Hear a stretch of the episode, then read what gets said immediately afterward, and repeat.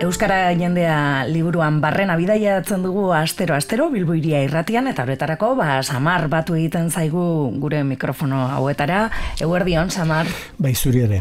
Bueno, gaurkoan e, liburuko personai baten inguruan, bueno, liburuan bildu duzun personai baten inguruan berba ingo dugu, Paul Broca hain zuzen ere. Bai. Nor izan zen Paul Broca hau? Paul Broca. Ah, Paul, barkatu. Frantses, frantsesa baitzen. Ah.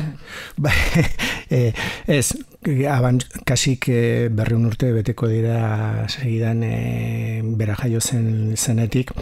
Eh, frantsesa zen, meretzigarren mendeko gizona, oso ezaguna eh, medizina munduan, mm -hmm. eh, oso gintzen, zen hain xuxen, pentsatzen oraindik ere, ez dakigu oso ongi nola, nola lan egiten duen eh, garunak eta e, gizon honek ja duela berreun urte e, atzeman zuen aurkitu zuen ba, hizkuntza kontrolatzen duen garunaren e, aldea, zatia. Mhm. Eta hain zuzen, garuneko parte horri, gaur egun, mediko guztie, deitzen diote, e, broka, broka e, area edo ah. zona edo mm puntua, ez? Hain zuzen, izkuntza e, kontrolatzen duen garunaren parte hori. Bai, ez, hor gordetzen duen, bai. eta askotan hitz bai. egiten dena, ez? Bai, hori da, eta hori, gaur egun, hori digan, ez dakigula oso ongi nola funtzionatzen duen garunak, ez? Eta honek, izon honek, duela berreun urte, olako horkikuntza egin zuen.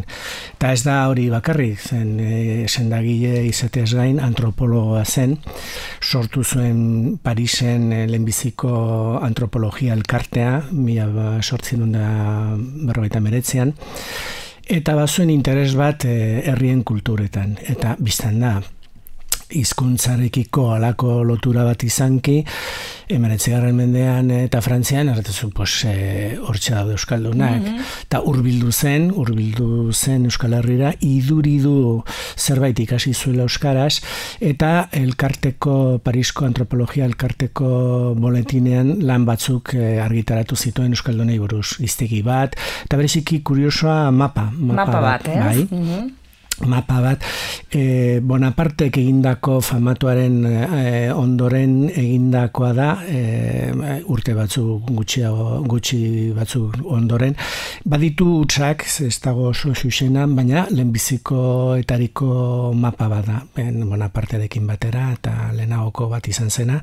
Hortaz gain lehenbiziko etariko bat erakusten du ze interesa zuen berak iz, e, gure hizkuntzen eta gure, gure kulturan ez E, ez izan gunagoa agian, ez? E, bai. Brokaren e, mapa bai. hau eta lan hauek, ez? Bai, bona partek egin zuenak e, koloreak zituen, azteko, egin zuen e, tirada bat importantea, zabaldu zena, bueno, garaian kontutan hartuz, nahikoa, e, izkuntzalarien artean, e, Londresen argitaratua. Aldiz, e, polborokak egindakoa e, argitaratu zen, doidoia, e, elkarte antropologia elkartearen boletinean. Eta orduan ez da inezaguna.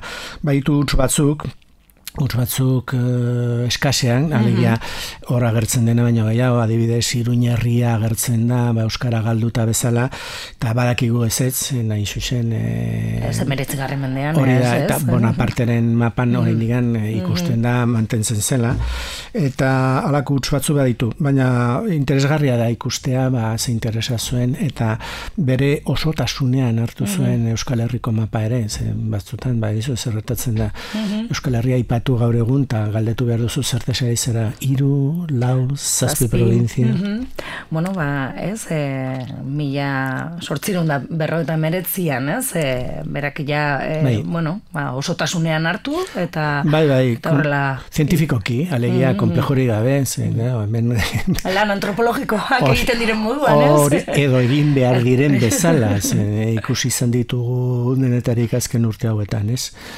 Ba, adibidez, e, ikusi dut e, duela ez sobera espainol testo batean e, eskolako testo batean ba, Euskara bakarri dela hiru provinzitako hizkuntza. Ez da ipatzen ez Nafarroa eta ez gainerakoan. Eta zo, berrik testo liburu baden eta ez omen da mm -hmm. e, ideologiko kira behar. Bakizu. Mm Bueno, ba, hortxe ez, e, bai. Paul Broca zendagile eta antropologoak, ez, ba, mila sortzireun da berrota marringuru hortan, bai. egindako e, lana, ez? Eta oroitu denok dugula garunean broka puntu bat. Mm Bueno, borrekin geratzen gara, Samar eskerrik asko. Ez da zen, ongi zen.